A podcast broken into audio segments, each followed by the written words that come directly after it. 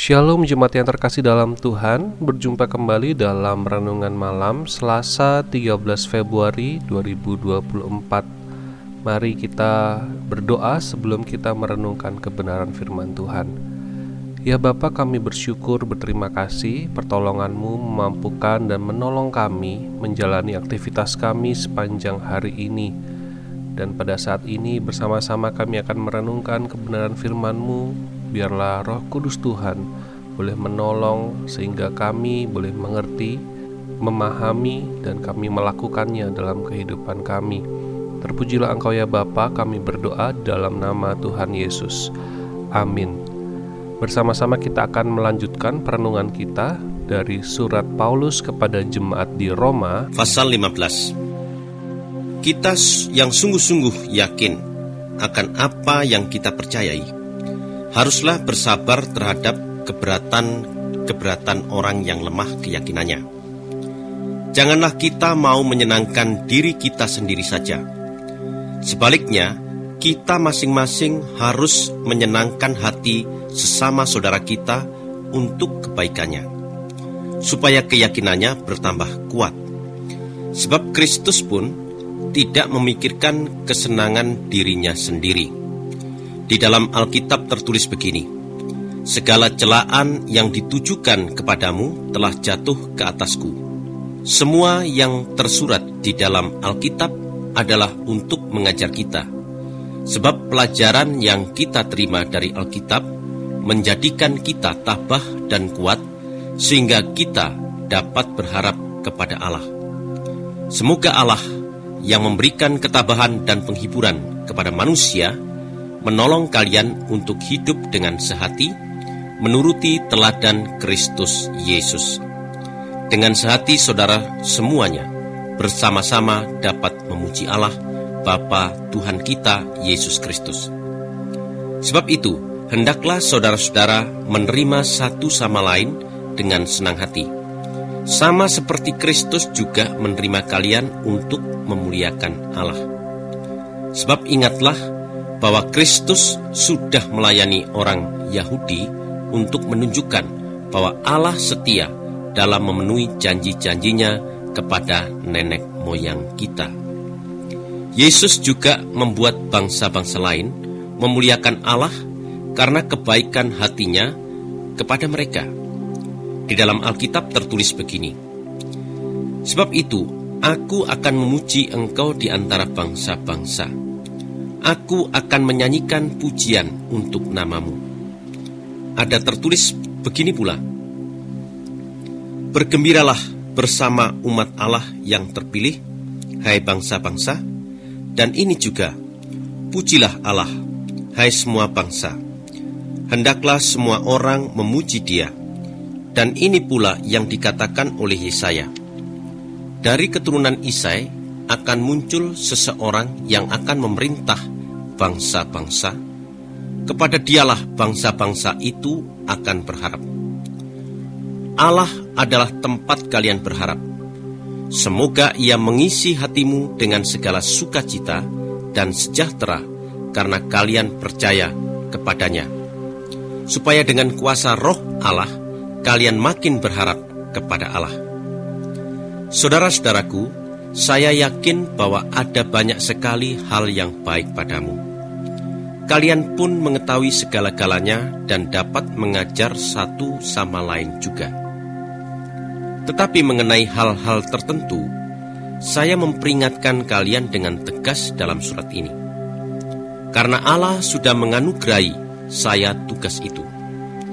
Ia sudah menjadikan saya pelayan Kristus Yesus untuk diutus kepada bangsa-bangsa yang bukan Yahudi.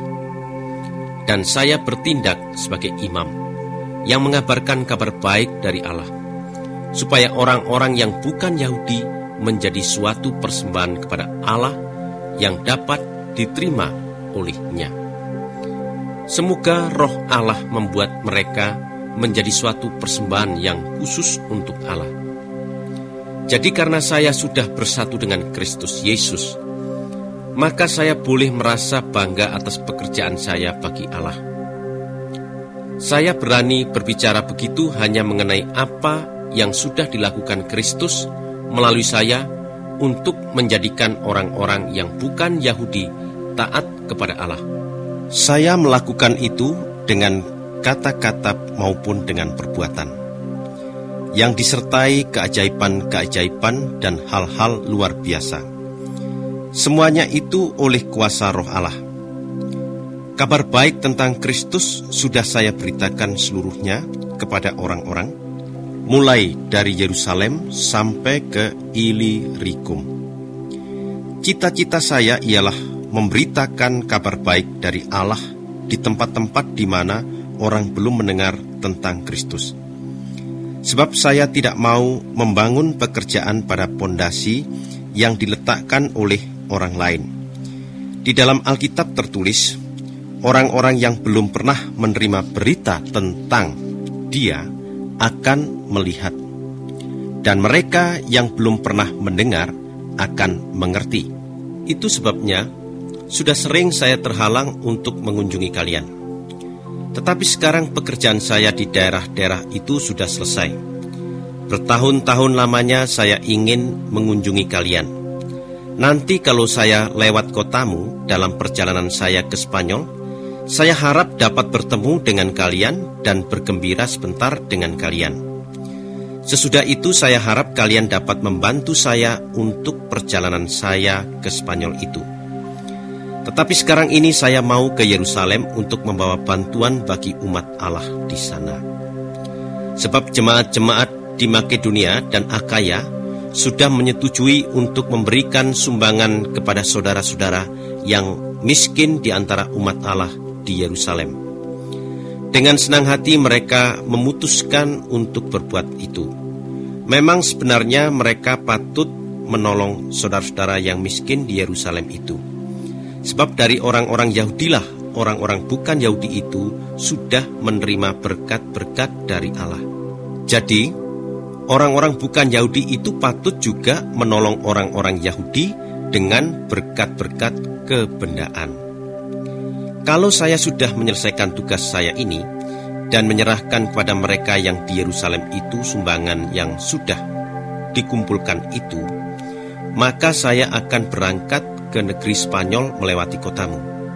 Kalau saya datang padamu, pasti saya datang dengan banyak berkat dari Kristus untuk kalian. Demi Tuhan kita Yesus Kristus dan demi kasih yang diberikan oleh Roh Allah, saya minta dengan sangat kepadamu. Semoga kalian turut berdoa sungguh-sungguh bersama-sama saya kepada Allah untuk saya. Berdoalah supaya Allah melepaskan saya dari tangan orang-orang yang tidak percaya di Yudea, dan supaya tugas saya untuk membawa sumbangan ke Yerusalem diterima dengan senang hati oleh umat Allah di sana. Dengan demikian, kalau Allah mengendaki, saya dapat datang kepadamu dengan hati yang senang, dan saya akan merasa terhibur di tengah-tengah kalian. Mudah-mudahan Allah yang memberikan sejahtera kepada manusia menyertai saudara semuanya. Amin. Dalam pasal yang ke-15 ini Paulus berbicara tentang kewajiban di dalam panggilan yang Tuhan percayakan pada masing-masing kita. Ada kewajiban yang harus kita penuhi, yaitu untuk memperhatikan orang lain dan menanggung kelemahan mereka. Bagian ini perlu kita renungkan sungguh-sungguh agar dengan kuat kita, dengan kelebihan kita yang kita miliki, kita boleh memperhatikan orang lain. Paulus mewajibkan kita untuk menanggung mereka yang lemah, tetapi jangan sampai kita mencari kesenangan kita sendiri. Fokus kita di dalam menanggung orang lain bukanlah pada kekuatan kita, tetapi pada orang yang kita tanggung Inilah wujud kasih kita kepada sesama. Nampaknya kewajiban ini memang begitu berat dan membuat kita tidak bisa bersenang-senang. Tetapi kesenangan atau kebahagiaan yang sangat besar dan berlimpah-limpah akan kita rasakan ketika kita sungguh melakukannya. Karena teladan kita, Yesus Kristus, ia menjalani kehidupan yang menggenapi rencana Allah menggenapi nubuatan nabi-nabi Perjanjian Lama, mulai dari kelahirannya, pelayanan-pelayanannya, kematiannya, dan kebangkitannya. Semua terjadi seturut dengan kitab suci. Karena Yesus, kita sanggup beriman, sebab kita melihat bahwa rencana Allah pasti terjadi, pasti digenapi. Kita punya harapan, sebab Yesus adalah Anak Allah yang mengalahkan maut, membuat kita pun tidak takut untuk hidup bagi Dia dan mati di dalam Dia. Paulus menunjukkan ini kepada jemaat di Roma dan kita di hari ini, supaya kita sadar dan ingat bahwa hidup kita bukan soal kita sendiri. Hidup kita di dalam Kristus adalah hidup untuk mengasihi, karena Kristus sudah terlebih dahulu mengasihi kita. Hidup untuk taat, sebab Kristus juga sudah taat bagi kita. Hidup dalam kebersamaan, sebab kita semua adalah orang-orang percaya yang telah diangkat menjadi anak-anak Allah. Konflik yang terjadi di dalam jemaat di Roma terutama dipicu oleh perbedaan rasial antara golongan Yahudi dan golongan non-Yahudi. Paulus mengingatkan bahwa Kristus mengampuni orang-orang berdosa adalah agar kita semua menjadi satu keluarga dalam kerajaan Allah. Seperti Kristus sudah menerima kita semua, mari kita juga menerima masing-masing dari kita. Kunci kesatuan Kristen adalah Kristus. Ingatlah akan Kristus, ingatlah akan janji Allah. Kristus menerima kita, Ia menebus kita bukan karena kebaikan, bukan karena kesempurnaan kita. Justru sebaliknya, Kristus datang untuk menyelamatkan yang terhilang. Pengampunan Tuhan berikan kepada orang-orang berdosa bukan kepada mereka yang baik. Oleh sebab itu, mari kita menyadari bahwa kita pun tidak sempurna, tetapi Kristus yang menyempurnakan kita. Mari kita nyatakan kesempurnaan kita dengan menerima satu sama lain, sebagaimana janji Allah di dalam Kitab Suci. Mari kita pandang akan kasih karunia Allah. Inilah yang membuat kita bisa menerima orang lain merenungkan kembali akan anugerah Tuhan akan menguatkan kita untuk dapat menerima, mengampuni, dan biarlah kita boleh terus bersyukur atas anugerah yang Tuhan berikan dan ini akan memampukan kita untuk hidup dalam kehendaknya.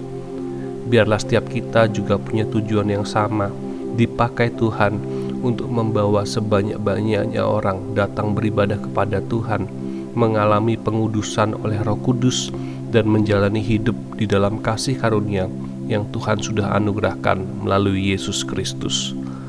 Mari kita berdoa.